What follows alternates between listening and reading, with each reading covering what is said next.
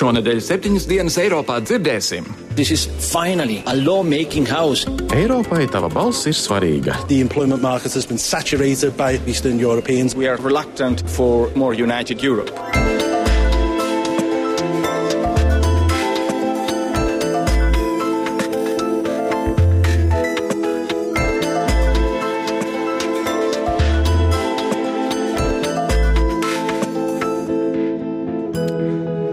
job. Labdien, godējumie klausītāji! Latvijas radio studijā Kārlis Streips raidījumu septiņas dienas Eiropā. Šodien mēs esam tiešraidē, jo kā nekā notika Eiropas eh, parlamenta vēlēšanas. Mēs parasti ierakstam iepriekš, bet šoreiz jau mēs nevarējām zināt, kas tur notiks.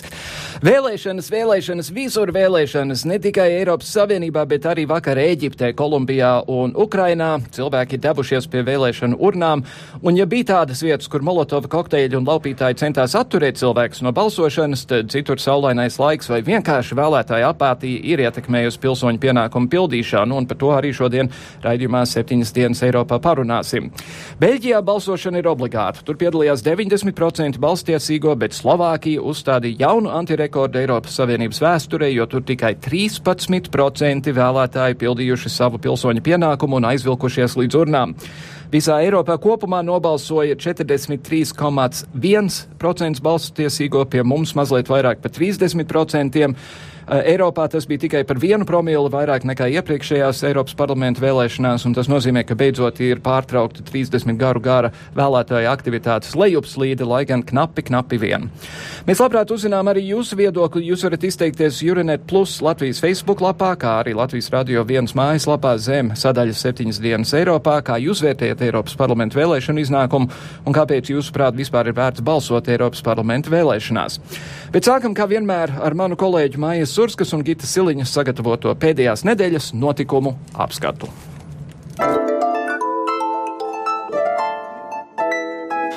Gada lielākajā Eiropas politiskajā notikumā, Eiropas parlamenta vēlēšanās, visvairāk vietas parlamentā ieguvusi Eiropas Tautas partija. Tomēr par vēlēšanu īstenajiem uzvarētājiem var uzskatīt eiroskeptiķus un galēji labējos ekstrēmistus. Viens ir skaidrs. Eiropas Tautas partija šajās vēlēšanās zaudēja 60 vietas, salīdzinot ar aizvadītajām. Tādēļ nevar tikt uzskatīta par uzvarētāju. Uzsvēra pašreizējais Eiropas parlamenta prezidents Martins Šulcs. No 751 deputātu vietas Tautas partija iegūsi 212, bet eiroskeptiķiem ir izdevies palielināt savu pārstāvniecību Eiropas parlamentā vairāk nekā divas reizes. No tām Eiropas brīvības un demokrātijas grupa iegūsi 33 vietas, bet jaunievēlētie deputāti, kas nav saistīti ar nevienu iepriekšējā parlamenta sasaukuma izveidotu grupu, iegūši 56 deputātu vietas. Tuvāko dienu vai pat nedēļu sarunas noteiks to, kur jaunpienācēji sēdēs un vai eiroskeptiskie vai galēji labējie veidos vienotu politisko grupu. Sarunas nesolās būt vieglas un varētu paiet pat vairākas nedēļas, līdz tiks ielikti Eiropas Savienības jaunie pamati. Lai gan lielāko politisko grupu politiķi norāda, ka proeiropeiskās partijas joprojām saglabā vairākumu, atsevišķās Savienības dalībvalstīs liela daļa vēlētāju ir sodījuši vadošos spēkus, jo ir neapmierināti ar ekonomikas stagnāciju un augsto bezdarbu. Vislielākais pārsteigums, kas jau ir nosaukts par politisko zemestrīci, tika piedzīvots Francijā. Tur galēji labējā Nacionālā fronte ieguvusi pirmo vietu, bet līdz šim vadošos sociālistus vēlētāji ierindojuši tikai trešajā vietā. Līdzīgi eiroskeptiķu panākumi tika svinēti arī Lielbritānijā, kur uzvaras laurus plūca neatkarīgā partija un tās līderis Naidžels Faračs. Sākotnējie rezultāti liecina, ka viņa vadītāja UKIP partija ieguva 29% balsu, bet konservatīvie un leiboristi pa 23% katrs. Faračs vēlēšanu rezultātus vērtēja šādi. Yet, um, Mēs vēl neesam parlamentā. Vienmēr ir ļoti bīstami skaitīt cāļus, pirms tie ir noķerti. Bet es domāju, ka ar tiem skaitļiem, kas man jau ir, UKIP uzvar šajās vēlēšanās, un tā būs zemestrīce. Jo nekad iepriekš Britu politikas vēsturē, nacionālo vēlēšanu virsotnē, nav bijusi partija, ko uzskata par dumpiniekiem. Turpmākajās dienās galvenais darbs solās būt partiju koalīciju veidošana, kas taps aiz komisijas nākamā prezidenta muguras. Tā kā visvairāk krēslus ir ieguvusi Eiropas Tautas partija, tai ir pirmās tiesības izvēlēties nākamo Eiropas komisijas prezidentu. Uzstājoties no Tautas partijas galvenās mītnes Briselē, sacīja partijas prezidenta kandidāts Žans Klots Junkers. We did win these elections. I feel Tā kā esam šajās vēlēšanās uzvarējuši, man ir piešķirta tiesības kļūt par nākamo Eiropas komisijas prezidentu. Tas nebija vienīgais mudinājums vēlētājiem doties pie balsošanas urnām, taču esmu ļoti gandarīts par iznākumu. And, uh, Vienlaikus ar Eiropas parlamenta vēlēšanu rezultātu pasludināšanu noslēgušās arī ilgi gaidītās prezidenta vēlēšanas Lietuvā un Ukrainā. Ukrainā par nepārprotamu prezidenta vēlēšanu uzvarētāju kļuvis par šokolādes karali dēvētais Petro Porošenko. Ja šodien dienas laikā viņa vairāk nekā 50% lielo atbalstu apstiprinās arī oficiālie rezultāti, 48 gadus vecajam miljardierim priekšā stāvēs grūts uzdevums pēc sešu mēnešu ilgajām politiskajām nesaskaņām apvienot un izvest no bankrota 45 miljonus lielo tautu. Doņetskas iedzīvotāji jau ir paziņojuši, ka neatzīst viņu par savu prezidentu.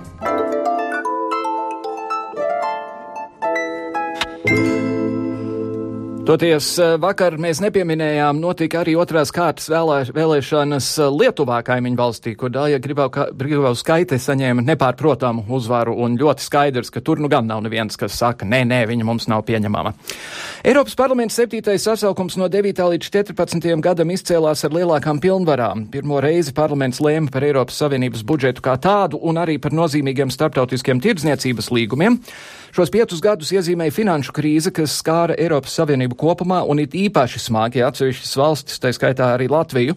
Eiropas Savienībai pievienojas jauna dalība valsts Horvātija, kas Eiropas parlamenta deputātu skaitu palielināja no 754 līdz 766, lai gan pēc šīm vēlēšanām atkal tas ir samazināts uz 751 vietu.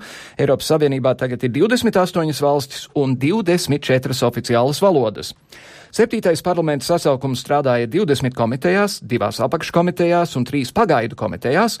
Kopā notika 2821 komiteju sanāksme, kuru laikā tika pieņemti 2110 ziņojumi, kā arī tika organizētas 491 uzklausīšanās par jautājumiem, kas aktuāli Eiropas Savienības pilsoņiem.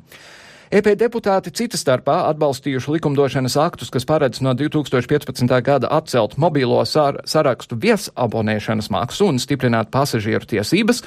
Lai aizsargātu ES pilsoņu tiesības, deputāti noraidīja akta un SWIFT starptautiskos nolīgumus, tika spērti soļi pretī Banku Savienības izveidošanai, uzlabotas tiesības uz pensiju un apstiprināta tabakas direktīva ar jauniem pasākumiem smēķētāju skaita samazināšanai. Par to, ko Eiropa sagaidījusi no šīm vēlēšanām un ko jaunā astotā parlamenta sasaukuma viņa gaida, mana kolēģe Jāņa Kropa sagatavotajā sižetā. Eiropai tava balss ir svarīga. Tā vēstīja reklāmas kampaņa, kas aicināja vēlētājus doties uz vēlēšanām un mainīt esošo kārtību, ka katrās Eiropas parlamenta vēlēšanās vēlētāji paliek aizvien mazāk un mazāk. Šoreiz priekšplānā tika izvirzīti ekonomiskie jautājumi - krīze, bankas, finanses, tāpat arī imigrācija, kopēja armija un vides jautājumi. Ar ko gan šīs Eiropas parlamenta vēlēšanas bija īpašas? Daudz tika mēļots par to, ka nepieciešama jauna vīzija, Eiropai ir jāspēj iedegties par jaunu jaunām idejām. Otrapus Atlantijas okeānā mediji ziņoja par nu jau seno sapni 1952. gadā, ka Eiropas bēdas var atrisināt ar kopēju finansiālo izdevīgumu. Ko darīt laikā, kad nauda ir izrādījusies lielākā bēda? Tādā valstī kā Grieķija tieši nauda kļuva par iemeslu lielajām bažām no radikāļiem. Prominentais Wall Street Journal un arī Grieķu Tanea ziņoja, ka Eiropas parlamenta vēlēšanas Grieķijā ir milzīga pārbaude esošajai koalīcijai. Aritmētika ir gaužām vienkārša. Ja Eiropas parlamentā uzvar Grieķu opozīcijas partijas, tad koalīcija ir morāla atbildība sasaukt jaunas vietējā parlamenta vēlēšanas, lai atjaunotu tautas mandātu. Par to, ka 2014. gada vēlēšanas ir kas īpašs, pirms vēlēšanām atzina Spānijas sociālistu politiķis Juans Fernando Lopes Aguilers. Lūk, viņa sacītais. Vissvarīgākais ir uzskatīt šīs vēlēšanas un jauno Eiropas parlamentu sasaukumu par nopietnu rīku. Beidzot top īsts likumdevējs, leģislatīva institūcija, kas rada likums ne tikai par veselības vai iekšējā tirgus jautājumiem, bet arī par fundamentālām tiesībām - krimināla likuma likumu, kopēju Eiropas ārējo robežu politiku, par patvērumu meklētājiem un ļoti daudz ko citu, kam tiešām ir nozīme. Vācijā Der Spiegel šai jaunajai parlamentu lomai nepievērsa lielu nozīmi. Savās publikācijās pirms vēlēšanām medijas centās aplūkot Eiropas parlamenta ietekmi. Secinājums - jā, varas paliek vairāk, bet jautājums kādas? Ceļojošā cirka varas kad tiek tērēti miljoniem eiro, lai reizi mēnesī visi kopā aizbrauktu uz Strasbūru, vai arī kam tad parlaments un Eiropas politika kļūs tuvāka? Tiešām cilvēkiem? Nē. Deršpīgela redzējumā vairāk ieteikums Eiropā iegūs dažādi lobētāji, bez kuriem nav iedomājama viena no pasaules lielākā parlamenta ikdienām. Ierasts, ka jautājumos par vidi vislielāko uzmanību pievērš zaļie, tāpēc arī nebija nekāds brīnums Eiropas komisijas prezidenta amata kandidātu debatēs dzirdēt zaļo kandidātes kā Kellers dedzību par problēmu risināšanu ar klimata pārmaiņu apturēšanai veltītām darbībām. Tāpat arī zaļo pārstāve no Austrijas, no jau bijušajā Eiropas parlamentā Ulrika Lunaceka, uzskata, ka nav piedodami, ja Eiropas komisija pārāk maz pievērš uzmanību vides jautājumiem enerģētikas jomā. Liberāļi ir tie, kas pirms vēlēšanām aicināja vairāk domāt par savstarpējo sadarbību. Šīs partijas pārstāvis no Itālijas Nikolo Rinaldi dalījās uzskatos, ka tieši vienota politika visām valstīm un te vai visās jomās kļūs par vecā kontinenta uzplaukuma pamatakmeni. Really strange, Šobrīd ir ļoti dīvaini un nesaprotam, ka mēs vēl joprojām noraidām vairāk integrētas Eiropas ideju. Manuprāt, ķīniešu, indiešu vai citu lielo valstu priekšrocība nav lētāks darba spēks. Viņu priekšrocība ir lielais iedzīvotājs skaits un viens ekonomikas ministrs, viens ārlietu ministrs un viena vidas politika. Mēs nevaram 2014. gadā turpināt ar 28 dažādām dalību valstīm, kurām ir 28 dažādas politikas. 28 member states to 98 different policies. Lielākoties Eiropiešiem nepatīk šādas runas. Federālisma ideja nav tik pārliecinoši stabila, lai ietekmīgais Mārtiņš Šulcs no sociālistiem tai pievērstu lielu uzmanību priekšvēlēšanu debatēs. Viņš atzina, ka federālismam šobrīd vienkārši nav vairākuma atbalsta. Savā ziņā šo tematu apskatīja arī Britu The Guardian, kas uzdrošinājās rakstīt, ka problēmas jau nekur nav pazudušas un vēlēšanas diži neko mainīt arī nevarēs. Kas bez ekonomiskās krīzes un Krievijas draudiem iekšēji satrauc Eiropu? Tas ir bezdarbs un jauniešu apātija. Dienvidē Eiropā jauniešu bezdarbs ir graujoši liels, bet bez darba palikuši jaunieši ir arī attīstītajās valstīs, kā piemēram Lielbritānijā. Šīs valsts radikālā partija UKIP uzsvēra nepieciešamību vairāk padomāt pašiem par sevi. Iekšējā migrācija Eiropā atņem darbu vietējiem, un tieši par šiem tematiem runāt centās partijas pārstāvis Eiropas parlamentā Pols Natāls. Well, firstly, liela ietekme ir imigrācijai. Mums ir ļoti liela cilvēku kustība gan uz Eiropas Savienību, gan arī pašā Eiropas Savienībā. Liela daļa jaunu cilvēku ir bez darba, mums pašiem ir miljoniem darba meklētāji. Es uzskatu, ka darba tirgus ir pārpludināts ar cilvēkiem no Austrum Eiropas, bet mēs vēlamies dot vienādas tiesības arī saviem pilsoņiem. Tāpat liela ietekme būs izmaksām. Ikdienu mēs tērējam miljoniem mārciņu dažādu regulu vajadzībām. Vai tas ir nepieciešams? Nedomāju viss. Lielbritānijas pārstāvji Eiropas parlamentā īpaši jāizceļ kādā unikālā priekšvēlēšanu aģitācijas veidā, bet iesākums šim stāstam ir meklējams Briselē.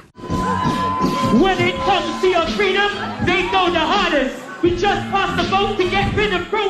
Jauniešiem bieži piedēvē nepatiku pret ierasto politiku un tradicionālajām diskusijām, tāpēc daļa Eiropas parlamenta deputātu zaudēja savus kaklasaitus un stīvumu politiskā repa pasākumā. Piemēram, Lielbritānijas laboristu pārstāvis Maikls Kešmens žurnālistiem atzina, ka mūzika un dēja ir lielisks rīks, kā pārvarēt barjeras. To, ko nevar pateikt politiskā kampaņā, var nodot ar mūzikas palīdzību. Maikla Kešmena pārliecībai noteikti par labu būs nākus arī viņa aktiera karjera pirms viņš pievērsās politikai, jo pats savu kampaņu viņš izdejoja Vila Farela dziesmas Happy pavadījumā. Skaidrs, ka jauniešu vēlētāju ieinteresēšanai ir jāmeklē jauni komunikācijas veidi, un iespējams, ka dziesma, kas tulkojumā nozīmē laimīgs, varētu arī palīdzēt. Euronews pat apkopoja interesantāko vai dīvaināko reklāmas kampaņu video. Dažos tika uzsvērta veco politiķu loma, citos atkal otrādi. Uzsvars tika likts uz jauno vēlētāju nozīmi, lai viņi ietu pie urnām tik līdz sasniedz pilngadību. Pašu kaimiņos Lietuvā Eiropas parlamenta vēlēšanas sakrita vienā dienā ar valsts prezidenta vēlēšanām. Skaidrs, ka divas balsošanas vienā dienā ļauj ietaupīt daudz naudas, bet tajā pašā laikā interesanti ir Latvijas sabiedrisko mediju portālā publicētā atziņa, ka prezidenta vēlēšanas Lietuvā varēja palīdzēt piesaistīt arī lielāku vēlētāju skaitu Eiropas parlamenta vēlēšanām. Ja jau vēlētājs ir atnācis līdz iecirknim, vai tad būs grūti iemest divas aploksnes vienas vietā? Runājot par balsošanu veselu gadu pirms Eiropas parlamenta vēlēšanām, Debating Europe EU portālā tika radīts rīks, kas ļauj balsot internetā tā, it kā īstās vēlēšanas notiktu jau rīt. Gada laikā tika apkopota statistika, kas uzrādīja vēlētāju intereses par katru mēnesi. Lai arī šo iespēju neizmantoja ļoti liels iedzīvotāju skaits, lielākoties balsoja tomēr gados jauni cilvēki vecumā līdz 35 gadiem, tāpat kā aktīvākie balsotāji bija infrastruktūras ziņā attīstītākie ziemeļnieki. No visiem balsotājiem 30% bija ziemeļeiropieši, tostarp arī baltieši, kamēr dienvidnieki balsoja vien 15% gadījumu. Politiskajā spektrā šī iepriekšējā nobalsošana uzrādīja lielāko interesi par radikāli kreiso un sociālistu idejām. Pēc interneta balsojuma šīm partijām kopā vajadzēja saņemt vairāk nekā 40% vēlētāju balsu, taču interesanti ir diagramma, kas parāda vēlētāju noskaņojumu pa mēnešiem. Piemēram, laikā, kad stingrāku regulējumu prasīja bankām, vai arī, kad sākās kaujas Ukrainā, augstākos rezultātus uzrādīja tie līderi, kuri prasīja stingru un ātru risinājumu. Ko var mācīties no šīm Eiropas parlamenta vēlēšanām? Eiropieši labprāt aizstāv savas nacionālās intereses, bet lielu grūtību priekšā pilsoņi tomēr arī labprāt vēlētos pieprasīt lielāku atbildību no Briseles institūcijām.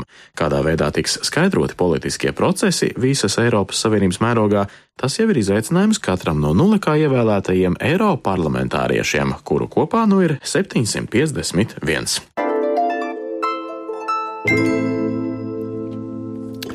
Šodien vēlēšanu rezultātus skatīsim gan no Latvijas astotnieka prizmas, bet arī par to, kāda ir reakcija citās Eiropas valstīs par iznākumu, par jauno parlamentu sasaukumu, par vēlētāju aktivitāti un tā tālāk. Studijā ir Andris Gobiņš, Eiropas kustība Latvijā pārstāvis. Labdien! Labdien! Un pa telefonu no Briseles mūsu Latvijas radio korespondenti Ina Strasdiņa. Labdien, Ina! Labdien! Labdien, esat visi klāt. Sāksim, Andrī, ar, ar vienkārši kopvērtējumu par to, ko tad latvieši izdarīja, Latvijas pilsoņi. Pirmais ir, ka salīdzinoši maz cilvēku aizgāja uz vēlēšanām. Tas ir noteikti slikts rādītājs, slikti demokrātijai kopumā un noteikti ļoti smags pārdomu moments um, visiem, kas ir iesaistīti. Uh, tanī, ka varētu uzlabot, cerams, uz citām vēlēšanām šos rādītājus. Tas ir CVK loma, tas ir partija loma, tas ir sabiedrības loma kopumā, arī varbūt savā ziņā žurnālistu vai plašsaziņas līdzekļu veids, kādā veidā strādāt ar, ar vēlēšanām. Tas slikts rādītājs. Otrais, man liekas, ir ļoti pozitīvs vērtējams, ir eh, laikam, visticamāk, tas ir saistībā ar reklamēšanās aizliegumu, ka um, radikāļi un populisti salīdzinoši maz balsis ieguvuši šīs vēlēšanās. Tas uh, man personīgi likās, ka būs krietni vien graujošāk, ja tik maz cilvēku aiziet uh, nobalsot. Parasti lielāka motivācija radikāļiem un, un populistu līdzskrējējiem, tā sakot, aiziet nobalsot, bet tomēr šis faktors uh, tikpat kā nav jūtams un ir tāds kā, nu, veselā saprāta vai arī, nu, skatāmies, kurš vislabāk to darbu var izdarīt, kam ir pieredze, kam, kas tiek kā vērtēts Eiropas Savienībā, kam ir reāli iespējas labāk mūsu intereses aizstāvēt un pēc tā vairāk arī attiecīgi šķiet, ka, ka balsotāji ir, ir um, savus kandidātus izraudzījušies. Un te mēs redzam daudzas ļoti spēcīgas un ļoti daudzās svarīgās jomās Latvijai um, šos pārstāvjus, kas ir apstiprināti. Man uh, liekas, ka ļoti interesanti un svarīgi, ka ir Kariņš, kas enerģētikas jomā ir rakstījis divus lielos ziņojumus Eiropas Savienības līmenī kopumā, aizstāvot gan Latvijas, gan arī Eiropas intereses un, un atkatoties no šī gan Gazproma monopola. Ļoti jācer, ka viņš šo darbu darīs un, un turpinās, jo tas būs viens no lieliem izaicinājumiem arī nākamā, eh, nākamos piecos gados. Zīle atkal ir transporta joma, arī atkal, lai gan viņš ir tādā mazā eh, partija grupiņā, kurai it kā īpaši daudz ietekme nav, bet atkal ar savu prestīžu to, ka viņš ilgstoši tur strādājis un ir izcēlies tiešām, nu, ir pārliecinājis kolēģis arī citās partiju grupās ar savu kompetenci. Viņam arī būs, nu, droši vien gan, gan liela ietekme uz, uz, uz lietām šī transporta, enerģi, transporta un infrastruktūra jautājumos, kas, kas noteikti arī būs svarīgi. Tad skatāmies, kas vēl ir apstiprināti, nu, Dombrovskis, protams, kas ir atkal budžeta finansējums finanšu jomās viens no nu, gan Eiropas parlamenta grandiem. Jā, nestrādās, viņš dosies uz komisiju. Visticamāk, noteikti. dosies uz komisiju, bet, teiksim, viņš jau ir, ir parlamentā bijis gra, nu, ļoti augstos un, un svarīgos atbildīgos amatos jau, jau pirms viņš pārņēma nepateicīgo premjeru lomu krīzes laikā. Un tātad, pat ja viņš neizvēlētos iet uz komisiju, tad viņām noteikti ir, ir gana uh, nozīmīgi un, un liela ietekma arī Eiropas parlamentā uh, iespējama, bet nu, šis mandāts, kas viņam ir dots, noteikti viņa predestinē uh, Eiropas komisijā mm. svarīgam port, portfelim tur. Un nu, tā varam turpināt arī jā, pārējiem kandidātiem. Pārējiem, jā. Jā. Savukārt, Ina, es pieļauju, ka, ka Briselē šodien vārdi, kas skan visbiežāk, ir piemēram UKIPS un Zelta rītausma un Marīna Lepēna un tā tālāk un tā joprojām. Pie mums radikāļi liberāļiem nekas īpaši neizdevās, bet to nu gan par Eiropu nevar teikt. Jā, taisnība, Kārli, tiešām tā ir, un uh, tas, uh, kā veidosies tālāk šī Eiropas parlamenta politiskā geogrāfija un cik lielu lomu spēlēs šeit uh, eiroskeptiskās un nacionāli radikālās partijas, tas tiešām, tiešām ir uh, viens no šobrīd uh, aktuālākajiem, jāteic, arī interesantākiem jautājumiem, jo Eiropas parlamentam nav šāda pieredze iepriekš. Uh, bet, nu, tas, ko es dzirdu gan no uh, cilvēkiem, kas ir pieredzējuši Eiropas parlamenta lietās, gan no saviem kolēģiem, ka izskatās, ka tiešām būs šī šī jaunā politiskā grupa, kā uh, radikāļiem un, un, un eiroskeptiskajām partijām būs izdevies uh, nu, iegūt tik lielu atbalstu savās dalībvalstīs, ka tiešām veidosies šī atsevišķā politiskā grupa, to izveidot ir un nav grūti un viegli. Tur ir tādi nosacījumi, vajag 25 politiķus no septiņām dalību valstīm. Un izskatās pēc uh, šā brīža uh, situācijas, ka tas ir reāli. Nu, eh, jā, es pilnīgi piekrītu Andrim, ka tiešām eh, nav tik liels atbalsts gūts dalībvalstīs, no kā mēs domājām, jo iepriekš tie rādītāji, piemēram, par Nīderlandi bija pilnīgi citi, ka tur, eh, tur piemēram, ļoti aktīvs ir eh, šis te eh, radikālais spārns un ka varētu būt eh, daudz labāk šie rezultāti, bet lūk ir Francija ar absolūti šokējošu iznākumu, kur Marina Lepena tiešām ļoti radikāls partijas līdere ar, ar uzskatiem, ka Eiropas Savienībai faktiski ir jāsabrūk un, un nekādu imigrāciju ļoti, ļoti, ļoti radikāls spēks, kurš ir paziņojis, ka grib iekļūt Eiropas parlamentā, lai grautu Eiropas Eiropas Savienība no iekšpuses tiešām ir, ir uzvarējuši un, un viņi būs Eiropas parlamentā. Tā kā jā, es absolūti piekrītu tam, ka e, radikāļi, nacionālisti tajā ekstrēmākajā nozīmē šobrīd ir tas melnais zirdziņš. Nu, redzēsim, kāds šis zirdziņš jās mm -hmm. turpmākos gadus. Viena to piebildi, ka uh, ekonomistā un citur ir rakstīts par to, ka, piemēram, Gertam Vildersam Nīderlandē, kurš palika ceturtajā vietā, viņš ir ļoti draudzīgs, piemēram, pret gejiem. Savukārt Marina Lepēna nav draudzīga pret gejiem. Lielbritānijā radikālisms ir viena lieta, Grieķijā radikālisms ir atkal kaut kas pilnīgi cits, ir galēji labējās, ir galēji kreisās partijas. Uh, izņemot to, ka viņiem kaut kas nepatīk par Eiropu, vai šiem ļaudīm ir kaut kas īpaši kopējs? Jā, šis ir ļoti interesants jautājums, jo izrādās, ka Nu, tur ir kopējas lietas, bet uh, izskatās, ka jau tagad sākas pīrāga dalīšana, jo izskatās, ka uh, šīs partijas savā starpā diezgan stingri kašķējas, jo uh, iepriekš uh, jau pieminētais Gerts Wilders it kā veidoja uh, koalīciju ar to pašu Marinu Lepēnu, tātad Francija ar Nīderlandi, lai stiprinātu šo savu muskuli, lai būtu tā kā vienotāks spēks šeit Eiropas parlamentā, bet pēdējās ziņas ir, ko es arī dzirdēju vakar, ka ka Gerts Vilders vaino Lepēnu savās neveiksmēs, sakot, ka viņai ir aplam šī radikālā politika. Un īsāk sakot, izskatās, ka uh, vispār uh, eiroskeptiskie un radikālie spēki ir sašķelti paši savā starpā. Līdz ar to nu, nav tā, ka visur šī radikālā līnija ir vienota. Šīs partijas ir samērā atšķirīgas, uh, atšķirīgas jo jā, tā ir katrā valstī, uh, katrā valstī šī, uh, ņemot vērā iekšpolitisko situāciju un, un, un, un daudz komponentus. Uh, katrā valstī šīs partijas citādāk spēlē uz saviem vēlētājiem. Mm. Piemēram, Jobiks Ungārijā ir skaļi un trokšņaini antisemītisks, kas, kas Jā. Francijā neiet īpaši krastā. Andri, kas tev ir sakāms par radikāļiem? Man liekas, ka ļoti daudz runājam patiešām par labējiem radikāļiem, bet eh, ļoti svarīgs arī šis kreiso radikāļu um, bloks, kas jau arī patiešām Eiropas parlamentā ir. Viņi jau ir ilgstošāk, viņi ir labāk noorganizēti, un, un viens otrs pilnīgi draudīgs eh, tāds pavērsiens vai, vai iezīme ir, ka šie kreisie sāk tur gandrīz vai brāļoties atsevišķos gadījumos ar, ar, ar labējiem radikāļiem. Nu, tur, tur Putina aizstāja klubiņi, tur veidojās dīvaini un, un, un Krīmas okupācijas klubiņi. Uh, Tā kā, nu, te, te, man liekas, ir jāskatās tiešām uz abiem, eh, abiem radikāļu spārniem un arī uz populistiem kopumā, jo populisti arī pilnīgi neprognozējām, kas var ātri vien, enu sazin, kā, kā nobalsot. Tā kā eh, abi divi ir svarīgi. Jā, un ir grūti, grūti pateikt, piemēram, tā pati zelta rītausma no, no Grieķijas, vai viņi ir uzskatām par kreisiem, par labiem, viņi ir vienkārši histēriski, histēriski iebilst pret uh, savu savas valsts politiku.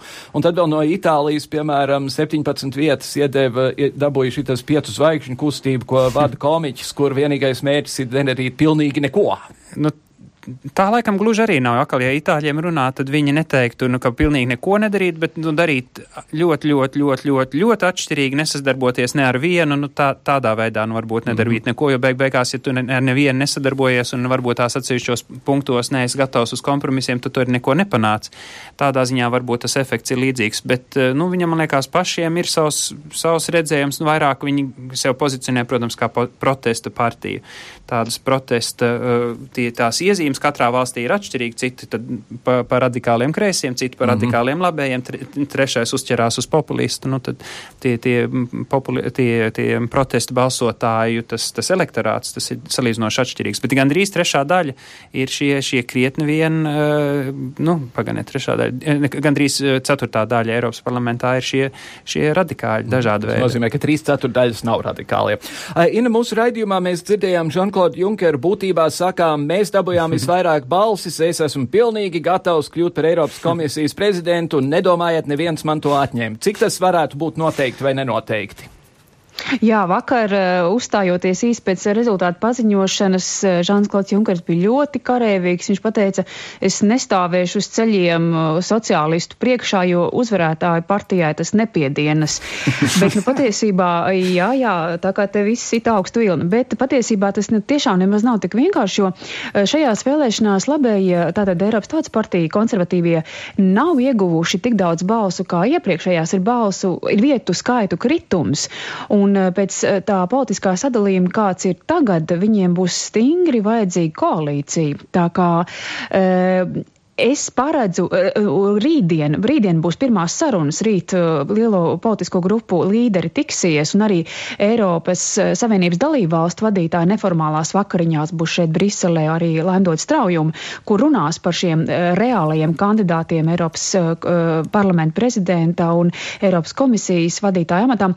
Un es paredzu, ka Junkers, lai arī, protams, viņš publiski saka, ka viņš ir drošs, bet patiesībā tā drošība nemaz nav tik liela, jo kā jau minēju, eh, viņam vajadzēs atbalstu no pārējām eh, partijām. Un, uh, jā, tas, tas, tas, tā, tā, tas it kā teorētiski jau bija runāts, ka tiešām šī partija, kas iegūs vairākumu, uh, tā automātiski var pretendēt uz šo augsto portfeli, bet uh, nu, nav politika tik vienkārša. Un neviens tam būs... īsti neticēja. To. Jā, jā. Līgumos būs, jau rakstīts, ka, ka ir jāievēro Eiropas parlamenta rezultātu. Tā, kā, un, un ar to jau arī tad viss tā spēlīt notiek. Vai tas nozīmē, ka tai spēcīgākai partijai, partiju grupai ir, tad ir pienākās šis, šis goda amats, uh, Eiropas komisijas prezidents un īstenībā varas amats, ne jau tikai goda amats.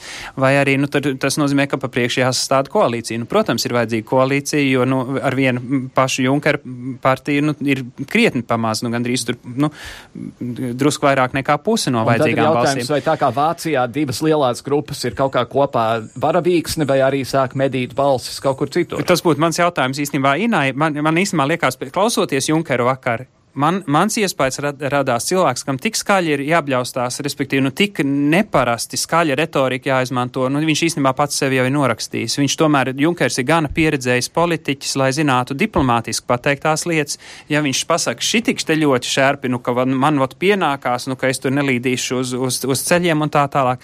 Īsnībā, patiesībā tas izklausās, ka viņš sevi norakstījis un, nu, vēl drusku pabļaustās, es atvainojos par brutālo izteicienu, ja, varbūt vēl drusku tādu spēcīgāku retoriku politiku pamēģina, lai varbūt kaut ko ievirzīt vienā vai otrā virzienā, bet laikam viņš pats sev jau norakstīs, mm. jo diez vai viņš citāk tik ļoti skaļi runātu, vai Ina, kā tu viņu pazīsti kā politiķi, viņš citreiz tā jau ir runājis. Un tad, tad būtībā paliek Šulcs un. Nu, Šulcs diez vai jo Šulcam arī nekur nesanāk ne koalīcijas vairākumu. Beigu beigās tas, tas nozīmē, ka ir, būs visticamāk skatīsies dalībvalstis pēc, pēc trešā kandidāta. Dombrovskis. Dombrovskis, vai Katainais, vai kāds cits. Kas par to ir sakāms? Nu, e, es teikšu tā, e, man liekas, ka te viss būs ļoti uh, vienkārši tādā ziņā, ka viss būs tā, kā to teiks uh, lielā Eiropas māte Angela Merkele. Jo būsim godīgi, ir tā, ka uh, Vācija joprojām ir milzīgs spēlētājs un tiešām, tiešām ir tā, ka partijas konsultējas ar Vācijas kancleri, viņai ir milzīga ietekme. Un es domāju, ja tiešām būs tā, ka nevarēs izšķirties Nu, viņai piederēs galvārds. To, tas ir tas, ko es arī sapratu no sarunām ar saviem kolēģiem šeit, ka nu, tas būs diezgan izšķiroši, bet par to, uh, par to kompromisa figūru nu, ir jau tā bijis iepriekš, kā arī Barozo, starp citu. Mm -hmm. uh, tā bija gan cita situācija, tur nebija šādas uh, vēlēšanu, nu, teiksim tā, klātbūtne tik mhm. liela, ja jau tas bija Barozo, pēc liela skandāla. Jā, bet tur arī Barozo iznīra būtībā pēdējā brīdī, uh, kā Eiropas komisijas prezidenta amata kandidāts kandidāts. Tā kā nu, politika tiešām ir neprognozējama. Bet ir tā lieta, ka, ko saka arī eksperti, ka, nu, ja būs tā, ka tiešām izvilks citu kārti ne no šiem pieciem kandidātiem, vispār tas būs tāds mm. spļāviens sejā vēlētājiem, jo bija taču solīts, ka kāds no šiem mm. pieciem būs. It kā demokrātisks process. Jā, jā bet pašam jā. Junkaram savā, savā pulciņā viņam pat nav vairākumi. Tie paši nu, jā. briti, kas, kas jau pateikuši, ka par viņu nebalso balsos, tātad nu, pat no tām 200 balsīm viņam pat vēl ir dažas atbirušas. Tā kā no nu, eina sazina. Uh, klausītāji, mums ir vēl drusku laiciņa raidījumā, ja jums ir kas sakāms par Eiropas parlamentu vēlēšanām 672 559 672 888, bet tiešām tikai par Eiropas parlamentu vēlēšanām šodien mēs uh, par citām, citām lietām nerunājam. Uh, Antra, kas būs lielākie uzdevumi jaunajam parlamentam? Tu jau pieminēji energoresursu jautājumu, kas ir, protams, ļoti aktuāls. Budžets it kā tagad ir pieņemts, bet kas vēl tur varētu būt? Budžets ir pieņemts, bet viņš tiks pārskatīts, vidustermiņa pārskatīšana, kur, mm -hmm. ja īstenībā tās ja nākamās budžeta sarunās mēs gribam veiksmīgāks rezultātus, sākās darbs jau vakar praktiski, jo, jo pilnīgi skaidrs, ka nevar tā, ka tikai gadu iepriekš nomobilizējās un tad vēl kaut ko tur pieķepina. Ja mēs gribam sakarīgus rezultātus, jāsāk strādāt šobrīd mērķiecīgi, jāiestrādā visos dokumentos attiecīgās rindiņas, attiecīgie teikumi, lai būtu tur gan kohēzijai, gan, gan, gan laukiem, gan arī citām svarīgām lietām Latvijai attiecīgās naudiņas. Es domāju, tas ir jāsāk uzreiz, un šī arī vidustermiņa izvēr, izvērtēšana būs. Enerģētika, jā, transports, Ukrainas jautājums ārkārtīgi interesanti, kur parlaments īstenībā diezgan tā spēcīgāk, krietni spēcīgāk nekā dalībvalsts ir izteikušies, ka nu vajag būt arī taisnīgām iespējām arī paplašināšanās uh, kontekstā skatīties uz Ukrainu. Nekāda tāda īsti viennozīmīga skaidra balsojuma tur nav, bet uh, tomēr tie signāli, kas nāk no Eiropas parlamenta, ir krietni skaidrāk, drosmīgāk nekā no, no, no ministru prezidentu puses uh, Eiropas Savienības padomē. Tātad tas varētu būt interesants jautājums, teiksim, vispār kā ār, ārlietās pozicionēties, kā tagad uh, rīkoties ar, ar ļoti um, Eiropai nedraudzīgu klāji nedraudzīgi. Nedraudzīgi jau tā politika bijusi vairāk nekā 5, 11 gadus jau pirms referenduma, jo tas mainījās pirms Latvijas referenduma, kur jau Putinam bija antieiropeiska tā, tā stāja. Bet tagad viņi klāja antieiropeiski, tātad, nu, kādā veidā ar Krieviju, ko darīt, kādā veidā sadarboties ar, ar jaunām kaimiņu valstīm, vai esošie piedāvātie līgumi ir gana, uh, nav gana ārkārtīgi interesanti, jo nu, tur tikai ekonomiskās saiknes. Ja es būtu uz Ukraina, Ukrainas konsultants, viņam teikt, nu, klau, uzstājiet, paprasiet patiešām, lai būtu arī politiska sadarbība, nevis tur tikai nu, kaut kāda nu, ekonomiskā, protams, ir, ir labi, bet tas ir viens solīts īstā virzienā, un godīgām, taisnīgām iespējām visām Eiropas kontinentu valstīm būt pilntiesīgām Eiropas Savienības dalību valstīm ir pilnīgi nu, nozīmīgs, man liekas, Jā. svarīgs jautājums. Tā skaitā arī Latvijai. Ina, Andris jau runāja par to, ka, piemēram, Zīle ir pazīstams Eiropā kā transporta eksperts, Kariņš ir pazīstams kā enerģētikas eksperts. Laikam mēs varam Latvijas iedzīvotājiem teikt, ka nav tā, ka tikai tāpēc, ka mums ir astoņi deputāti, no tā izriet, ka mēs neko kā Latvija nevaram darīt tajā Eiropas parlamentā, vai ne? Jā, piekrīt, nav tā, absolūti nav tā. Ir viena lieta, kas ir svarīga, ir mazai valstī, tādai kā Latvija, ir svarīga, ka Eiropas parlamenta deputāti ir lielās un, un spēcīgās grupās. Mm. Jo tas, tas ir pilnīgi pierādījies, ja tu esi lielā barā, tā kā, piemēram, Eiropas tautas partijā vai liberāļos vai vai so, vienalga sociāldemokrātos, tad tev ir lielāka aizmugura koalīcija un tu vari vairāk panākt. Bet tiešām ir tā, ka mūsu deputātus zinu, un es arī pati esmu runājis ar saviem uh, kolēģiem šeit žurnālistiem, prasījusi viņiem, nu vai jūs zinat kādus deputātus? Jā, viņi zina, nav tā, ka mūsu deputāti būtu absolūti visi nezināmi un nevarīgi. Un tāda lieta, kas tiešām parāda uh, spēku, ir šie ziņojumi. Ir šie ziņojumi, ja deputātam uztic visā sasaukuma laikā kaut vai vienu ziņojumu, ziņojumu. Tas būtībā viņš izstrādā Eiropas parlamenta viedokli par kādu uh, procesā esošu Eiropas likumu. Tā ir uh, diezgan spēcīga zīme, ka šie deputāti ir novērtēti, un mm -hmm. Latvijā ir bijuši šādi ziņojumi. Un, un ir bijuši svarīgi ziņojumi arī. Es Jā. domāju, ir, ir mazie nesvarīgie, kas ietekmē varbūt tās kaut kādiem dažiem simtiem tūkstošiem, varbūt nu, tur marķējumu izmērs vai vēl tur kaut ko. Nu, tas ir ne tik, protams, arī atsevišķā jomī, bet ir arī lielie no enerģētikas enerģētika, transports, tie ir, tie ir lielie bloki, kas ietekmē miljārdu, miljārdus. Mums ir klausītāji jautājums. Labdien! Halo! Labdien! Es varu runāt? Lūdzu! Es interesējos par tādu lietu. Ja nu gadījumā mūsu Dombrovskis nokļūst kādā svarīgā komisijā, vai tad Latvijai nepienākās vēl viena vieta? Mm -hmm Jā, tādā gadījumā Ines Vaidere būs nākamā deputāta no vienības, vienot, vienotības sarakstu visticamāk. Un tā maiņa visticamāk notiek tajā brīdī, kur tātad tiek apstiprināts uh, mandāts komisāram. Tas varētu būt tātad decembris, janvāris visticamāk, kad uh, tad ir uh, cits deputāts, tas kā es tā. Jā, tieši tā, un Ines Vaidere ir tā, kas palika, tā teikt, kandidātos no vienotības saraksta, un, un tā tas arī, arī notiks. Uh, Ina un Andri, uh, ko mēs varam. N es neprasīšu, ko mēs varam gaidīt no viņas, jo tas tāpat ir skaidrs. Bet cik ietekmīga Tatjana Ždanoka ir Eiropas parlamentā ar savu nemitīgo Krievu pasauli un PSRS 2,0? Acīm redzot, viņi turpinās tāpat. Um, tas, ko es varbūt no savas, ja drīkst aizsākt atbildēšanu, manuprāt, ar Krīmu viņa pati sev ieraka kapu jācer uh, zaļo grupu. novērtētāja. Tieši tā, jo sašutums bija ārkārtīgi liels. Atceramies, ka par izstāšanos tika skaļi runāts. Es ceru, ka tas, šī uh, sadarbība netiks turpināta. Un tad, ja viņi nonāk kaut kādā komunistu blokā, kur arī viņai varbūt būtu īstā vieta, tad, tad, tad tā ir mar pilnīgi marginālī. Kā zaļo grupā viņai, nu, viņi tur diezgan rosījās. Jā. Ina, kāda ir viņas Jā. reputācija? Jā, es piekrītu Andrim, ka šī Krimas notikumi ir mainījuši uh, Tatjana Ždanokas imīģu šeit vēl vairāk jāteic, un ir tā, ka iepriekš, uh, godīgi sakot, viņa ir, bija iepriekšējā sasaukumā viena no aktīvākajām deputātēm. Viņai nevarēja pārmest slinkumu un, un, un nekā nedarīšanu, jo viņa tiešām bija ļoti, ļoti aktīva, jā, tikai, protams, ar, ar saviem vēlētājiem un, un savā nišā. Saviem bet, vai uh, kaimiņu valsts vēlētājiem. Jā, arī. Bet, uh, jā, šie Krimas notikumi ir daudz ko mainījuši, un patiesībā būs ļoti interesanti vērot, kā uz to reaģēs viņas iepriekšējā grupa, un vai Tatjana Ždanok vispār tajā būs. Jo tas arī mainīs deputātu spēku. Ja deputāts vairs nebūs, jo viņa, Tatjana Ždanokas grupa ir, bija, bija viena no spēcīgākajām, tā kā nebija švakāko grupu sarakstā, tā kā ja tas mainās, tad arī mainās patiesībā deputāta ietekme. Mm.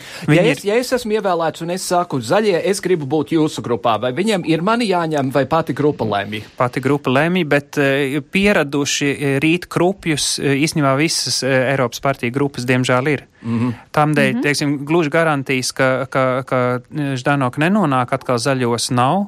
Taču, jā. nu, tomēr, nu, nu dzīvosim, redzēsim. Jā, jā. Mums ir vēl viens zvans. Labdien, lūdzu! Halo! Lūdzu! Labdien! Labdien. Man ir tāds nopietns jautājums. Kāpēc neviens no šiem deputātiem, kas atkal ir kārtējo reizi ievēlēti, uh, šie cilvēki, cik es zinu, nekad neatbalstīs Latvijā vienzimumu pārlaulības? Tas nav nopietns jautājums. Paldies jums par, uh, par aizspriedumu izrādīšanu. Ar to arī apmēram mums ir uh, jāiet uz beigām. Kā vienmēr septiņās dienās Eiropā mēs uzdodam viesiem jautājumu par to, kam Eiropā vai pasaulē būtu jāpievērš uzmanība. Inēs, sākšu ar tevi vienkārši faktoloģiski, ar ko nākamajā nedēļā nodarbosies tie cilvēki, kas tagad ir ievēlēti. Vai, vai ir par agru, lai viņiem iet un ir kaut ko darboties vai nē? Vēl ir mazliet par agru. Jāgaida rītdiena. Rītdiena būs interesanta diena gan žurnālistiem, gan politikas vērotājiem, jo, kā jau minēju, būs Briselē neformālais samits, kad uh, parādīsies pirmie signāli, nevis tādi jau konkrēti rezultāti, bet pirmie signāli, kuri varētu būt Eiropas parlamenta un Eiropas komisijas vadītāji. Tas ir tas, kas man uzreiz iešaujas prātā. Jā. Un vai mūsu laimtots, starp citu, ir pazīstama Eiropā? Viņa kā lauksaimniecības ministri tur ņēmās kādu brīdi. O, jā, arī jā, Eiropas prese ir rakstījusi European Voice, tāds pazīstams izdevums, kurš raksta par Eiropas tēmām. Mūsu laimdot straujumu bija salīdzinājis ar Vācijas kancleru Angelu Merkeli. Mm. Un patiesībā pozitīvā gaismā. Man, jās, man jāsaka, tikko kā tu sievietēm ir krietni atvērtākas durvis Eiropā. Ja tu esi sieviete un gudra, tev ir krietni vairāk durvis atvērts nekā vīrietim. Tas ir tā pozitīvā ja diskriminācija. Nepietiek ar gudrumu. Ar, nu jā. kas, kas tev ir sakāms eh, nākamajā nedēļā svarīgais pasaulē? Īstenībā es, es gribētu vēlēt mūsu parlamentāriešiem sākt ar Latviju, ka viņi jau šodien sanāk kopā, skatās, kurš iet uz kuru komiteju, jo lielā cīņa par komitejām, kurš, kurš kurā tiks, tas arī nav atkarīgs tikai no paša deputāta, kurās jomās attiecīgi viņš varēs strādāt. Tas ir arī no šīs savstarpējās sadarbības ir atkarīgs, un lai patiešām tiktu nosakts labi visas Latvijai svarīgākās jomas, tas man liekas vissvarīgākais, un tas nozīmē, ka viņiem savā starpā ir jārunā ļoti, ļoti, ļoti, ļoti, ļoti, ļoti, ļoti svarīgi. Un tad, protams, ir Ukraina un, un, un, un protams, viss arī lielās Eiropas parlamentu šīs, šīs koalīcija veidošanas. Mm. Tā skaitā skatoties, uz kurā virzienā Ukraina vedīs šokolādes miljardieris, kas tas varētu būt jautājums. Andris Gobiņš no Eiropas kustības Latvijā un Ines Strasdiņa, mūsu lieliskā korespondente Briselē. Paldies jums abiem par sarunu. Paldies! Paldies, Irsnīgs! Atgādinu, dāmas un kungi, ka labprāt uzzināsim jūsu viedokli, kā vērtējat vēlēšanu iznākumu, kāpēc tur vajag piedalīties. Rakstiet savus komentārus Euronet plus Latvijas Facebook lapā vai arī mūsu pašu mājaslapā programmas septiņas dienas Eiropā sadaļā. Ar to arī izskan mūsu raidījums. Ļoti interesanti šīs vēlēšanas. Es no savas puses gribētu teikt diezgan lielu nosodījumu tiem 70% no jums, kuri neatradāt pa vajadzīgu sestdienu doties pie urnām. Ja jūs esat tik bezatbildīgi par Latvijas nākotni, tad es piekrītu tam, ko Māris Zanders šodien rakstīja dienā. Kāpēc kāpēc tad balsot par sājumu, kāpēc balsot par pašvaldībām, acīm redzot, nekas neinteresē. Bet rezultāti četri vienotībai, pa vienam zaļiem zemniekiem un Latvijas Krievu savienībai interesantā kārtā un tā tālāk. Dzīvosim, redzēsim, kā viņiem klāsies. Nākamnedēļ turpināsim sarunu par Eiropu. Pagaidām Kārlis Streips jums saka visu labu!